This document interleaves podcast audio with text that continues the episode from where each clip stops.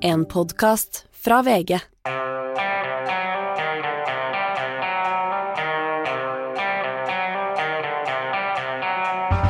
Ikke visste jeg at alle disse dagene som kom og gikk, de var selve uke 35. En uh, uke som for vårt vedkommende han starta med sopplukking, og som endte på Asgeirs hagefest. Ja, hva var gøyest? Eh, du, jeg fant to og en halv kilo med Jeg skal ikke gå inn i alle de der soppgreiene igjen, men, men to og en halv kilo kantarell, eh, piggsopp og traktkantarell i Enebakk eh, på mandag. Det var veldig gøy, altså. Det er en renere glede, eller det er mer sånn endorfinglede hvor du kjenner det bare bobler i kroppen? Ja, for det var gøy på Asgeirs hagefest. Ja, i går. på en måte. Ja.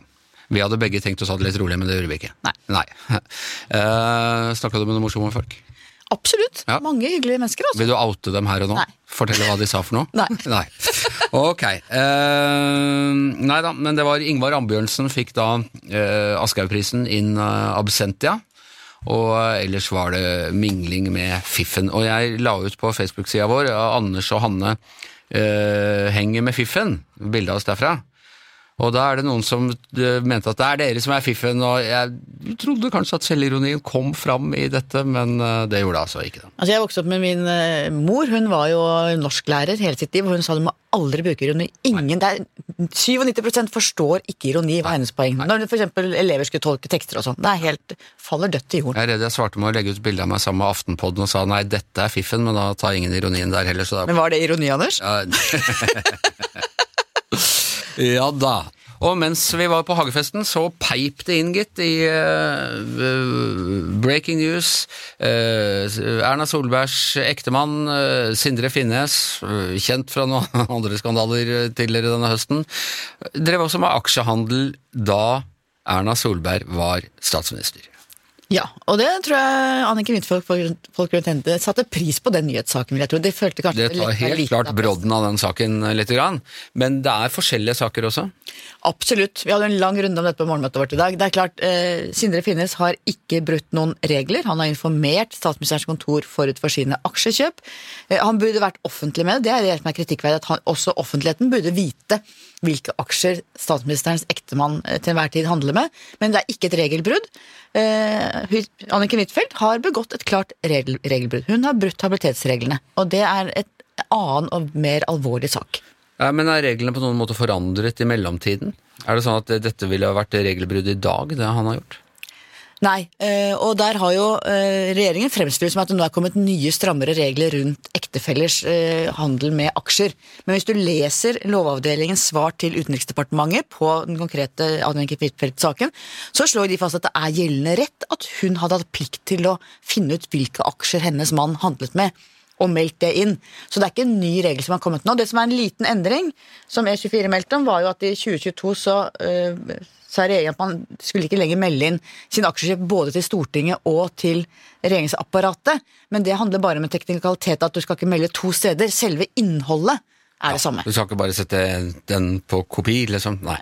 Uh, det er jo også litt rart, kanskje, for, eh, for mange mennesker, dette med at eh, ja, ektefeller skal jo ha ting å leve av, sånne ting, men altså, det bør jo ringe en bjelle når du er gift med statsministeren og du investerer da i f.eks. Kongsberg Våpen, som jo vel var, var et av disse selskapene, at dette kan se dårlig ut, selv om det ikke er forbudt. Det er klart, Da er, er vi over på en annen uh, disiplin, nemlig hva som er klokt og uklokt. Og det er klart det er uklokt av statsministerens ektefelle å sitte og handle aksjer i den type selskaper. Og det er jo, vi har jo, som vi snakket om på morgenmøtet vårt, det er to ting her. Det ene er er det et regelbrudd eller ikke. Det er veldig alvorlig uansett. Og så er spørsmålet er det klokt eller ikke. Og så er egentlig tredje spørsmålet bør det være slik? Hvilken adgang skal både statsråder eh, og andre regjeringspolitikere eh, ha til å handle aksjer, og hvordan skal regelverket være for de nærstående, f.eks. ektefeller og barn? Eh, Så snakket vi litt på, på morgenmøtet at liksom, oh, gud, og er med politikerne i våre dager, og sånn var ikke før i tiden, og Gerhardsen og i det hele tatt. Eh, Men så var det en som kom på, jo, det var vel egentlig det. Altså, Kåre Willoch, eh, vanskelig å finne mer eh, eksempel på rettlinjet, eh, hederlig politiker enn han. Han mottok dobbelt lønn mens han satt eh, eh, på Stortinget fra, fra Industriforbundet, som han hadde eh, jobbet i tidligere. Det var 10 000 kroner måneden, som var mye penger den gang. altså Det var en god årslønn faktisk ved siden av uh, stortingslønna. Og det ble det jo også, heldigvis vil jeg si, oppslag av. Det er klart det ble oppmerksomhet rundt det at sånn kan man ikke ha det. Uh, og jeg tror nok at uh, det var antagelig mye mer også å gi verv til sine egne når man snakket om Arbeiderpartiet, staten osv. Så videre, og så videre, sånn at det er jo det er ikke sånn at det var helt kritthvitt før og blitt verre nå, men oppmerksomheten og bevisstheten har blitt større nå. Og vi har et annet syn på at det må være orden i papirene og andre krav. Og noe av det har sikkert også med sosiale medier og åpenhetskultur å gjøre. Det er en helt annen åpenhet rundt alle ting, også økonomiske forhold, blant våre folkevalgte, enn det var for 10-20-30-40 år siden. Og en slags profesjonalisering rundt hele dette kontrollapparatet òg. Men eh, det er mange regler å passe på, mange, mange grenser du kan eh, tråkke over som politiker. Det er en utfordring, det òg. Ja, og da koker vi ned igjen til liksom instinkter og ryggmargsreflekser. Og jeg mener at du bør ha en refleks på at du ikke kan handle aksjer mens ektefellene sitter og, og, har ansvar for de typer selskaper, f.eks. Og så har du mer, som vi har diskutert med mange politikere i den valgkampen nå, hva som er stort og hva som er smått, f.eks. når det gjelder reiseregninger, leiligheter, at noen av de sakene vi har hatt har vært veldig gode og viktige, mens politikerne mener kanskje noe av det blir smått, at vi blander sammen en reiseregning på noen få hundre kroner som kanskje er feilført med store mangler med pendlerleilighetene. Ikke sant? Mm. Altså, sånn at det er, eh, det er viktig at vi avkler makta, og så må vi også si at det er rom for å gjøre feil. Ja.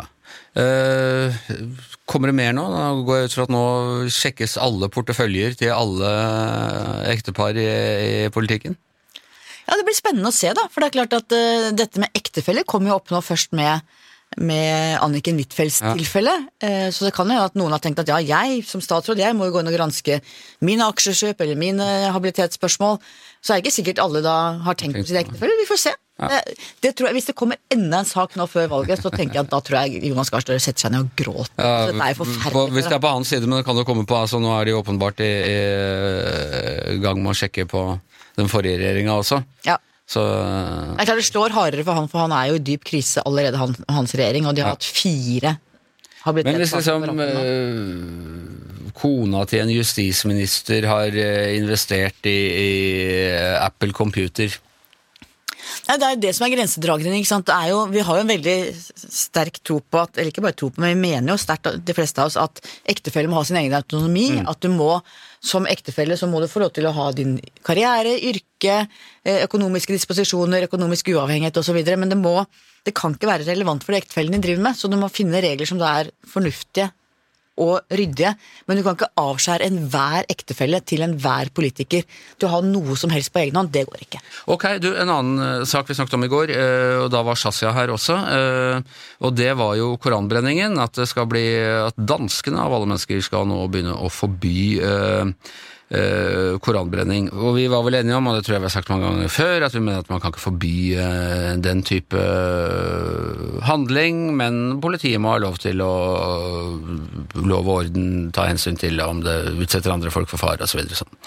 Men nå viste det seg da at Eh, Høyres byrådslederkandidat i eh, Oslo har eh, foreslått å, eller tatt til orde for å hindre koranbrenning på kommunens eiendom. Dette har han sagt på noe fredagsmøte eller noe, noe møter i moskeer.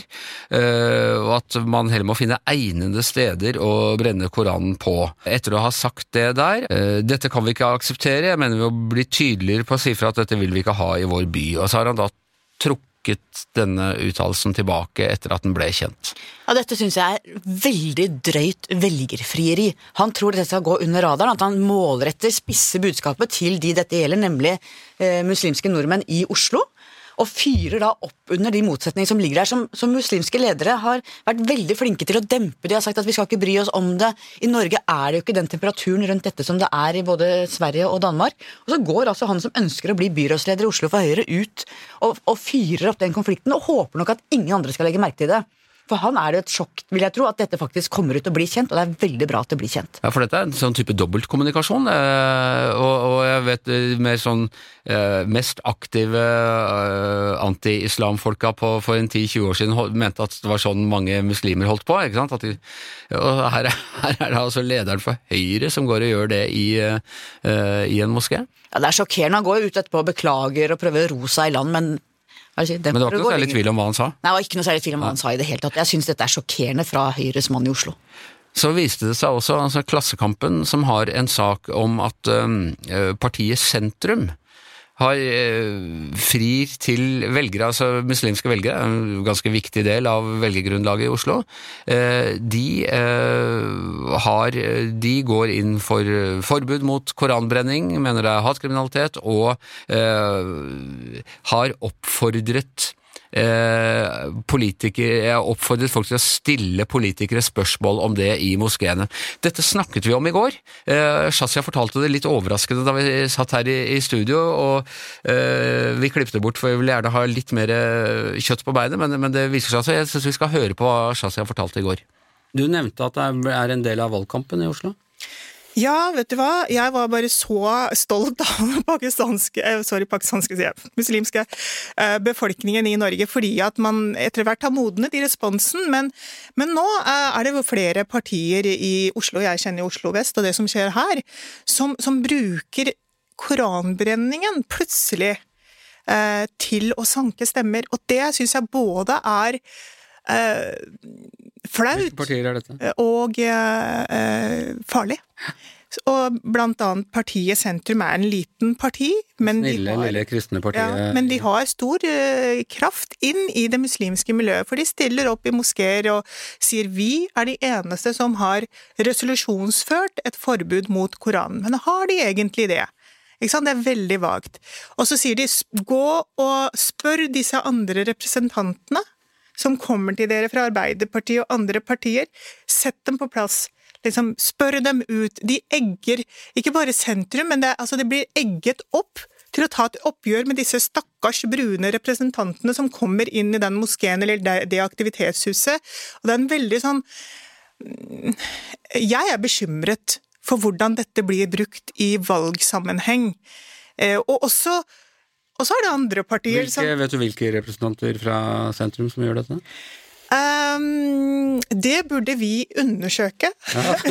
jeg vet, men det burde vi undersøke nærmere, sånn at vi kan få det på papir. Da.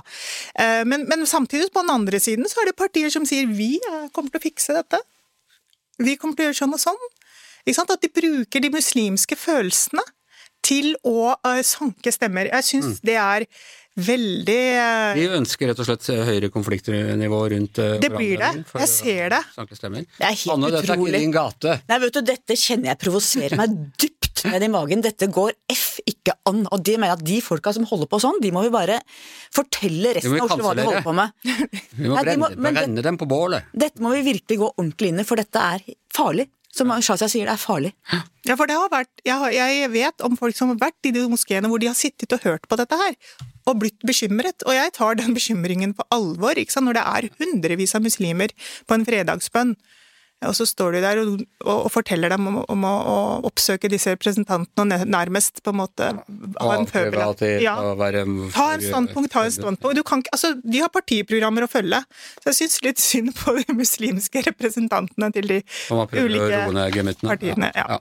Det var Shazia i går som altså hadde oversikt over den. Litt irriterende at ikke vi hadde den saken før Klassekampen, men, øh, men, øh, Men bra at den kom fram, da, Anders. bra at den kom fram, og, og, og ganske ganske spesielt at øh, partiet Sentrum, som liksom skal være sånn forsoningsparti og sånne ting, driver og graver i dette for å skape konflikt og få seg stemmer. Peace and love not. Ja, det er helt sjokkerende. Dialogpartier liksom, med Lippestad og barnebarn til Kjell Magne Bondevik. Og så er jo resolusjonen deres er litt vag, men det er jo deres representanter som da drar det enda lenger og skaper den spliden og utfordrer de andre eh, muslimske representantene for de andre partiene på dette. Det er virkelig å fyre opp et veldig farlig tema du ser rundt deg i verden, både når det gjelder terror, sanksjoner, reaksjoner i den muslimske verden rundt omkring oss. Det er helt sjukt, Anders. Og særlig da, så dette snakket vi om i går, hvor i Norge har vi faktisk fått en ganske bra kontroll på det. De folka som på død og liv eh, vil brenne koraner og bøker eh, for den saks skyld for å, for å eh, uttrykke sine meninger, får gjøre det. De får ikke all verdens oppmerksomhet. Man lar dem gjøre det. De som blir lei seg for det, biter tenna sammen. Vi var liksom på et relativt bra sted. Og det drøyeste vet du, er at både sentrum og Høyres byrådslederkandidat da aktivt aktivt motarbeider de muslimske lederne som har jobba så hardt for å få tillit i sine miljøer og få gjennomslag for at dette Mm. Her skal vi er det en la ytringsfrihet vi må, må akseptere og sånne ting. ikke Og så kommer liksom Oslo Høyres byrådskandidat bare og smukker dem rett i ansiktet. Det er så drøyt. ja. Og partiet Sentrum. Og Partiet Sentrum. Det mektige partiet Sentrum. Mak ja. ja, Høyre er verre, for de er større. Ja, det er det.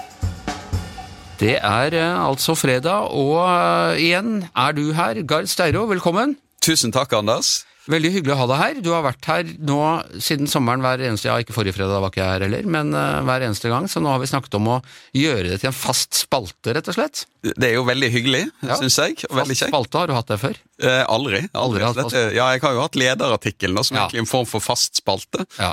Men du er skriver jo den lederen i VG hver dag. så- Ja, den gjør, ja. Det tar mye tid. Men i hvert fall, Magne har, har lagd et eh, vignett til deg. Hør på dette her. Vet du hva det er for noe? Eh, nei, det høres ut som jeg drukner, muligens. Det kan jo være Og det, sånn føles jo livet mitt ofte. Det er mediebobler. Ah! Tenkte vi kunne kalle spalta for mediebobler. Så bra, da. Ja. Godt navn. Ja, men det, det vil jeg gjerne bidra til. Ja, vi var veldig fornøyde da vi fant på det her, Magne og jeg, eh, tidligere denne uka. Ja, medieuka denne uka. Eh, Det har jo vært en uh, interessant uke. PFU-bøter, litt debatt. Og så regner jeg med det kommer en del kritikk eh, i dag pga. at VGTV i går hadde noe som het Rikets roast, der Sofie Elise ble ja da uh, køddet med, som vi ser i Bergen, Ja. på scenen. Skjelt ut. Ja, skjelt ut på det groveste. Ja. Frivillig, da, må sies. Det er, altså Dette roast-greiene det er er jo ikke noe helt nytt konsept, det har jo vært i mange mange år. Men det slo meg litt når jeg hørte på det her, at det er litt sånn i disse, disse woke-tider, og man er opptatt av krenkelse og sånne ting, så har man laget en slags sånn safe space, hvor alle går inn og har nærmest inntrykk av at de har undertegnet kontrakter, det er noen voldsomme advarsler først om at her kan det bli krenkende ting, og du kan bli utsatt for det.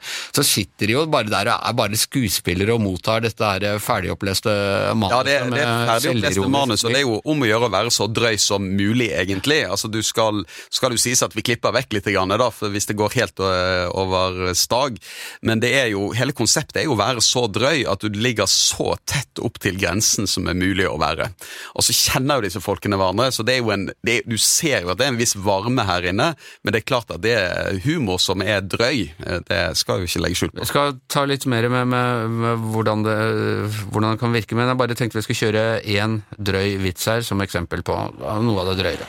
Neste roaster ut. Vi har allerede ventet altfor lenge, for vi vet faktisk ikke hvor lenge hun har igjen. Mine damer og herrer, Trude Drevland! Morten Hegseth. Det er mye bra med moderne medisin, Morten. Men noen ganger, f.eks. når man møter så er det kanskje noen som tenker at aids-epidemien skulle fått gått sin gang. Aids-humor, det var ikke gangbar vare i, i min tid. Nei, det, men i dag eh, er det jo det, og jeg syns jo det må man eh, tåle. Altså Det tåler jo eh, Morten Hegseth her, syns jeg. Så det, Fordi det alt er avtalt. og- Alt er avtalt, og de kjenner hverandre, og det er en varme. Og så er jo Kritikken mot dette er jo at man altså VG ved å vise denne type, denne type ja, utskjelling og humor, da, at vi måte legitimerer en mobbekultur. Det er kritikken vi får. Eh, Jeg mener jo at det, jeg forstår det argumentet at hvis barn ser dette, at det kan misforstås, og at det kan, eh, at det kan Jeg bare roasta deg. ja, det kan det være. Nå er ikke dette et program for barn i utgangspunktet.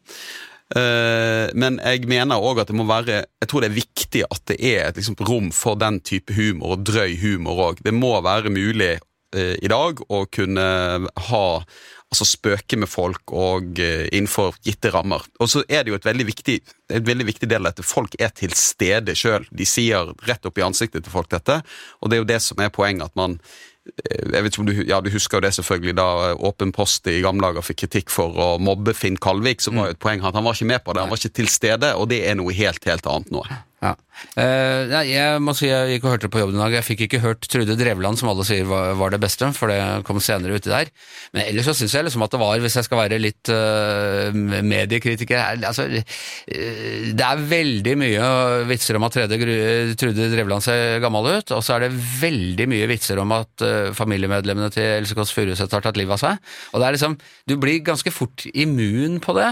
Ja, du blir immun, og det er jo klart at også så hjelper du at både altså, Else Kåss Furuseth spøker så mye med dette sjøl òg, Ja. men Ja, men da blir det bare enda mer. Liksom. Ja, det kan du si. Men det, det, men det er jo det som er spennende når du ser det, om det er noen som kommer opp med noe helt nytt, noe helt overraskende, noe, så klarer de å finne et nytt poeng som ikke har vært tatt før. Og jeg må si at jeg var imponert over Trude Drevland sjøl, som kom der og var eh, så drøy som bare en eh, nordlending bosatt i Bergen klarer å være omtrent. Og det er og det er jo eh, Ja, det kan jo være grenseløst. Eh, Else Kåss Furuseth var det beste av det jeg hørte. Hun hadde en rant om hvordan hun skulle ha sex med eh, aftenens clou, nemlig eh, Sofie Elise. Det var også et, Og den, da kjente jeg litt på at jeg har en bluferdighet i meg fremdeles som kan Ja, det er et litt sånn pute, det er litt pute-TV. altså, jeg òg hadde problemer en par ganger der jeg måtte, måtte se ned, rett og slett. Men du, er, du har stålsatt deg for kritikkbølgen Ja, vi som kommer? Ja, vi får kritikk for dette, men, men jeg, altså, jeg forsvarer det, og jeg syns òg det er veldig viktig for for eh, oss som store medier som skal ha en bredde, at vi har noen rom der vi kan tørre å være drøy. Altså at det er rom for drøy humor i, eh, i, også blant norske, i norske redaktørstyrte medier. Jeg syns jo særlig NRK har vært veldig flinke på det, å gi de rommene, og, og så våget å stå i debatten, ikke vike unna. sant? Og la komikerne få lov å teste grenser. Det tror jeg er bra. Og da må vi òg tåle at det blir støy og debatt og uenighet om det. Ja. Men det er jo ikke rikets roast, eh, Anders. Dette må jeg, eh, Hvis vi skal snakke om medieboblen altså Du har jo vært hovedpersonen i medieboblen i dag, du og Dukkert i NRK.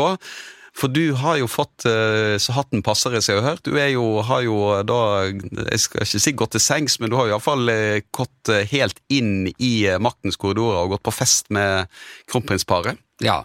Eh, Dette er jo eh, snart 20-årsjubileum for denne avsløringen av at jeg kjenner eh, kronprinsparet. Um. Hvordan kjenner du dem? Jeg kjenner dem fordi jeg møtte dem på noen middager for ja, det er vel 20 år siden nå, Mm. ved et par anledninger, og jeg var selvfølgelig da nysgjerrig på å møte dem. Og så, når jeg hadde gjort det et par ganger, og følte liksom at dette var mer enn at jeg bare tilfeldig møtt dem, liksom, så sa jeg fra til sjefen min, som da var eh, Olav Versto den gangen, mm. politisk redaktør i, i VG, og så gikk det ennå litt tid. Eh, og så var vi på et bryllup eh, hvor de også var. Og da var det VG, faktisk, som da avslørte det deres medarbeider selv hadde fortalt frivillig, eh, at, eh, at vi liksom jeg og Hege Duckert og en del andre, Bård Tufte Johansen og sånne ting, tilhørte et slags medienettverk rundt uh, kronprinsparet. Ja. Jeg husker jo saken, jeg jobbet ikke i VG, men jeg husker faktisk saken da den eh, kom. Den gjorde nok mer inntrykk på journalister enn på, på alle andre. Offentligheten, ja, det kan du si. Men, eh, men hvordan reflekterer du over den festen, da? For det, at det som var litt, skal si, var litt synd for deg, da, Anders, tror jeg, det er jo at vi i resten av redaksjonen visste jo ikke om den festen. Nei. Eh, det var vel bare Se og Hør som fikk med seg at det ikke bare var en offisiell tilstelning, men òg en privat tilstelning. Det har jo vår nyhetsredaksjon fått pes for, at de ikke visste om det. Det mener jeg de burde visst om. De bør ha, Den oversikten skal vi ha, så vi burde dekket der og vært der. Jeg syns det er en sak. Men mener du at jeg skulle ha sagt det? hva syns du? Nei, altså, jeg, jeg tenker at jeg er helt opplagt inhabil overfor øh, kongehuset. Og det er jo det denne øh, kritikken til han øh, Altså, det var så mye, rare ting i den der kommentaren, det må jeg få si, til, til han øh, Se og Hør-redaktøren. Han mente at jeg var leder for kommentaravdelingen i VG, det har jeg ikke vært på, på 15 år. Og han omtaler det altså som en fest, men det var en gudstjeneste. Eh, han skriver at vi sang eh, 'Hurra for deg som fyller ditt år' der. Det gjorde vi ikke inne i Slottskapellet, kan jeg love. Så det er eh, Så det var Ja. Men, Nei, jeg syns, jeg, jeg syns ikke du men, men det, bare for å fullføre det, altså greia er jo at jeg Jeg mener ikke noe om eh, kongehuset. Jeg uttaler meg ikke om det i interne fora. Jeg holder meg unna det for å unngå eh, å bryte noe inhabilitet, ikke sant? Og det gjør jo også at jeg, altså jeg øh, tipser da heller ikke om det. VG er nødt til å ha egne journalister som finner ut av dette på vanlig journalistisk måte. Ja, og jeg, altså, Dette er jo det som ofte skjer i den type saker, at, at medarbeidere kan komme inn lojalitetsskvis. Altså man, vet, man får vite noe i, fordi man har venner eller ektefeller, eller et eller annet, man får vite et eller annet som kan være nyhetssak. Og plikter man da å opplyse arbeidsgiver om det. Eh, og der er jeg, mener jeg at det man bør gjøre, kan gjøre i sånne situasjoner, er jo liksom å orientere nærmeste leder om det. Ikke som et nyhetstips, men sånn at nærmeste leder er klar over det. Men det er, vi- det er for mye forlangt av medarbeidere i en medieredaksjon at de skal orientere sånn ny, altså gi informasjon til nyhetsredaksjonen om sin, i det som skjer i deres private sfære. Og nå er jo det spesielt for deg som har et, en relasjon til et veldig, veldig kjent par. Men det er ikke uvanlig at eh, ansatte i mediebedrifter i et lite land har venner, søsken, ektefeller, barn som en eh, som sitter i posisjoner der de òg er interessante for oss som, eh, som nyhetsformidlere. Og det, det, viktig, det helt sentrale i sånne saker, det er at vi er At vi i At den medarbeideren sjøl må varsle om dette. Og er da inhabil, skal ikke delta i diskusjoner, skal ikke engasjere seg i disse debattene hele tiden, skal egentlig gå ut av eh, liksom, nesten rommet når dette diskuteres, og selvfølgelig aldri, aldri skrive om det. Men det kan ikke være sånn La oss si at du det har jo medarbeidere her som er gift med folk som har viktige posisjoner i samfunnet. Og jeg tror ikke det er sånn at de som Anniken Huitfeldt og ektemann har helt vanntette skott på hjemmebane. Jeg tror at hvis du, et, hvis du har venner og relasjoner, så får du informasjon som kan ha nyhetsverdi, men du kan jo ikke da være pliktig til å løpe til relasjonen og fortelle om dette. Da er jo vennskapet og den relasjonen død. Nei, og det som jo er eh, spesielt med, med Se og Hør, altså de har jo en helt annen tradisjon enn resten av norsk presse når det gjelder dette med vennskap. Hvis du leser en boka til Håvard Melnes, eh, som het En helt vanlig dag på jobben, og som kom omtrent på, på den samme tida som mm, min relasjon ble, ble kjent, uh, så blir de jo oppfordret til å bli venner. Eh, Med kjendisene. At, eh, og vi vet at han Knut Meiner, som dekket Jahn Teigen, som liksom var den store eh, på 80-tallet, han var veldig nær venn av Jahn Teigen samtidig. Og Melnes forteller også at, om at da, da Mia Hundvin og Terje Håkonsen var blitt kjærester, så ville ikke han skrive om det, for han var venner eh, av dem begge. Da ble han presset av redaksjonssjefen. Jeg sa jeg var inhabil. Det er det ikke noe som heter her på huset, Nei. skal redaksjonssjefen da ha sagt. Så hvis man da opp da, eh, altså, da, da opererer man med et helt annet eh, presseetisk veikart enn enn resten av pressen. Ja, så tror jeg uh, Se og Hør har ryddet opp siden den gang. Det tror jeg. Altså, jeg tror dette var en annen tid, og jeg tror òg i andre redaksjoner den gang at dette var, man var mindre flinke til å reflektere over eh, habilitet tidligere. Eh, men jeg, som, mitt, mitt standpunkt er at ansatte i mediebedrifter, også journalister, de har et privatliv. De kan ha venner, de kan ha søsken, de kan ha familie. Som, eh, som også blir omtalt i mediene. Og vi kan ikke, vi kan ikke forlange at eh, journalister skal være venneløse, men vi kan, eh, vi kan forlange av journalister at de skal være åpne om sine relasjoner. Nettopp. Og hadde vi visst om, hadde VG visst om denne festen, Ja. eh, så ville vi selvfølgelig dekket den.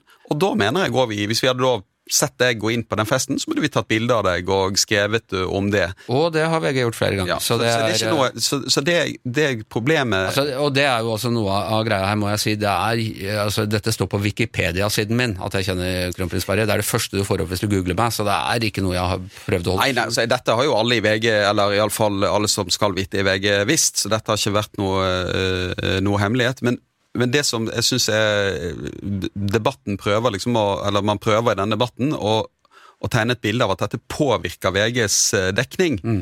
Eh, Det kan jeg understreke, det har det, det har det ikke gjort. Og eh, beviset for at vi ikke var der engang, da tegnes det et bilde med at vi var ikke der fordi at du, stoppet det. du stoppet det.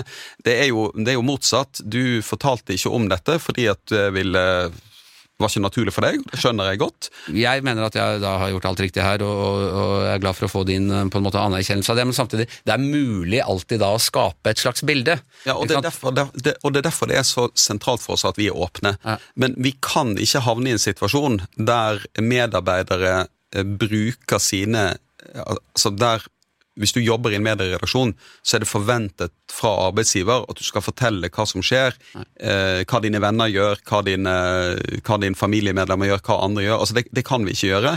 Men det som er problemet, er at man kan føle man havner i en lojalitetsskvis. Ja. Eh, Så jeg tror at nøkkelen er at mediene må være så åpne som mulig om dette. Og hadde vi visst om denne festen, så skulle vi eh, blåst deg på førstesiden. Og Da hadde det vært bilde av meg i VG, og det har det vært før, så det skulle jeg klart å, å, overleve. Um, Hvordan syns du det er? Du, nå, får du jo liksom, nå havner du litt i medie og får Ja, altså, mediekritikk det, og sånt. Hvordan opplever du det? jeg har jo fått en del mediekritikk opp igjennom fra forskjellige saker. Altså Den gangen da dette skjedde, jeg, så sa jeg jo etterpå til alle at jeg syns alle i VG burde oppleve å være på forsida av VG Ja. eh, en gang. Og du har jo også opplevd eh, å stå i sånne medie, mediestormer. Det er ikke noe behagelig, eh, og, det er, og man har veldig godt av det som journalist. Mm. Tenker jeg, og jeg merker jo Man blir veldig opptatt av detaljer. Hvis det er noen detaljer som ikke er helt riktige, og sånne ting, så blir man sånn litt Ja. manisk opptatt av det. sånn. I denne uka har det ikke gjort meg noe, fordi dette som, som kjent øh, har vært kjent så lenge, og det dukker opp eh, jevne mellomrom, og når folk skjeller meg ut på eh, sosiale medier, så dukker det gjerne opp, og du er kongepuddel og, og kronprinsvenn og sånn, så det er bare en del av eh, Men det du har helt eh, rett Det er en helt vanlig dag på jobben. det, er helt- Men det du har rett i, er at uh, vi som jobber i pressen, har godt av det. Altså Det er bra at det er debatt om dette. Ja. Det synes jeg bare var. Så syns jeg Se og Hør sitt bommer liksom i, i det i forsøket på å tegne et bilde av en konspirasjon, Ja. for det er det ikke. Eh, men det, det de er helt rett i, det er at VGs, resten av VGs redaksjon burde visst om dette. Og jeg tror det er det som er greia. Han var veldig kry over at de var alene med det. Altså, Det lagde han det som en sånn uh, egen take for å det Hvis jeg skal spekulere i andres motiver, så, så tror jeg det var det. Ja. Men ellers har det vært PFU-møte denne uken. Ja, er det, det- Pressens faglige utvalg. Pressens faglige utvalg. Og det, pressens faglige utvalg VG hadde én sak inne. eh, men der var, gikk de mest interessante sakene synes han rent presseetisk gikk for lukket behandling. Og Det vil jo si at vi vet hvem som har klaget inn, vi vet hva de har klaget inn for, vi vet utfallet, men vi vet egentlig ganske lite om sakene. Og de som er del av sakene, skal heller ikke referere fra dem. VG hadde en klage fra Rune Fardal, det er kjent. Han er barnevernsaktivisten som klaget oss inn. Der ble VG Han klaget jo inn på veldig mange punkter i Varsom-plakaten, og der ble VG ikke felt. Altså, vi ble frikjent. etter var Og denne gikk for lukkede dører? Den gikk for lukkede dører. Så den eh, får man på en måte ikke innsyn i. Eh, det eneste jeg kan si om den saken Og det er fordi det er navn og ja, det kan være av hensyn det, det, det, Ofte så er det jo hensyn til klager, Ja. eh, men det kan òg være av hensyn til andre berørte i saken. Som i denne Altså hvis det er kilder eller andre personer da som, som vil eh, Eller ligger person, masse personlig informasjon i saken som man da skal verne andre for. Det, du kan se for deg f.eks. at hvis det er snakk om kriminalitet, og, eh, så kan det jo være et offer for den kriminaliteten, da, som av hensyn til de så velger man å lukke dørene den, jeg, er ikke, den, jeg er ikke overrasket over konklusjonen i den saken. Den jeg er litt mer overrasket over, det var at TV 2 ble felt for å ha identifisert en kommunelege i uh, Trøndelag, får jeg si da, som er anklaget for en rekke overgrep mot pasienter.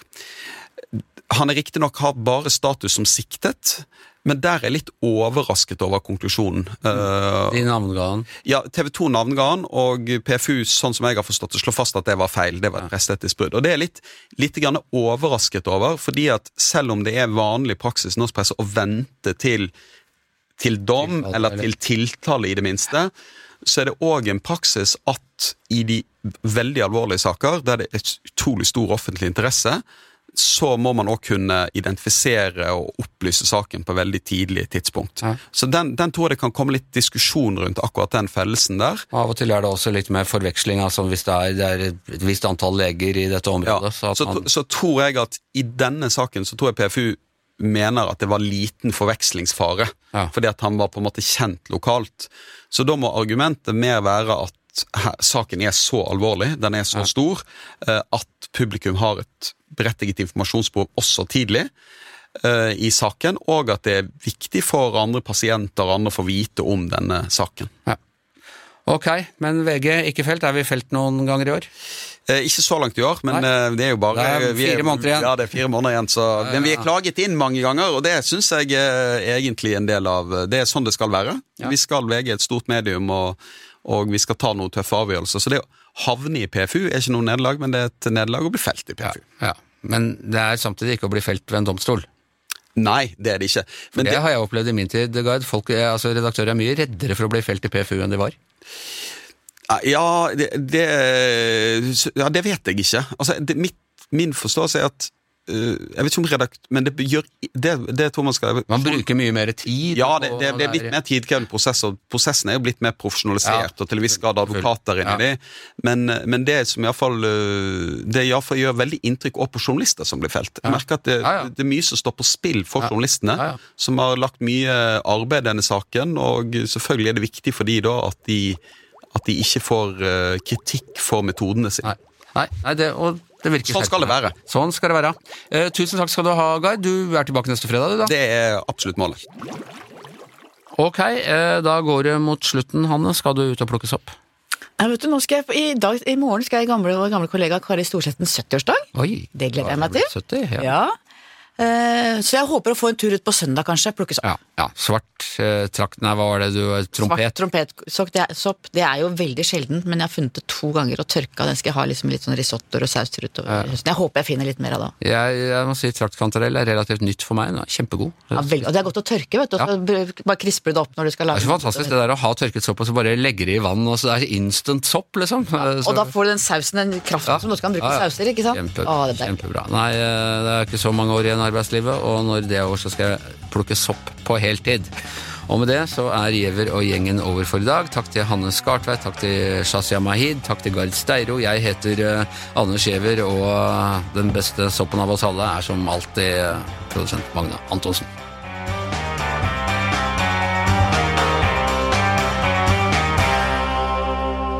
Du har hørt en podkast fra VG. Ansvarlig redaktør, Gard Steiro.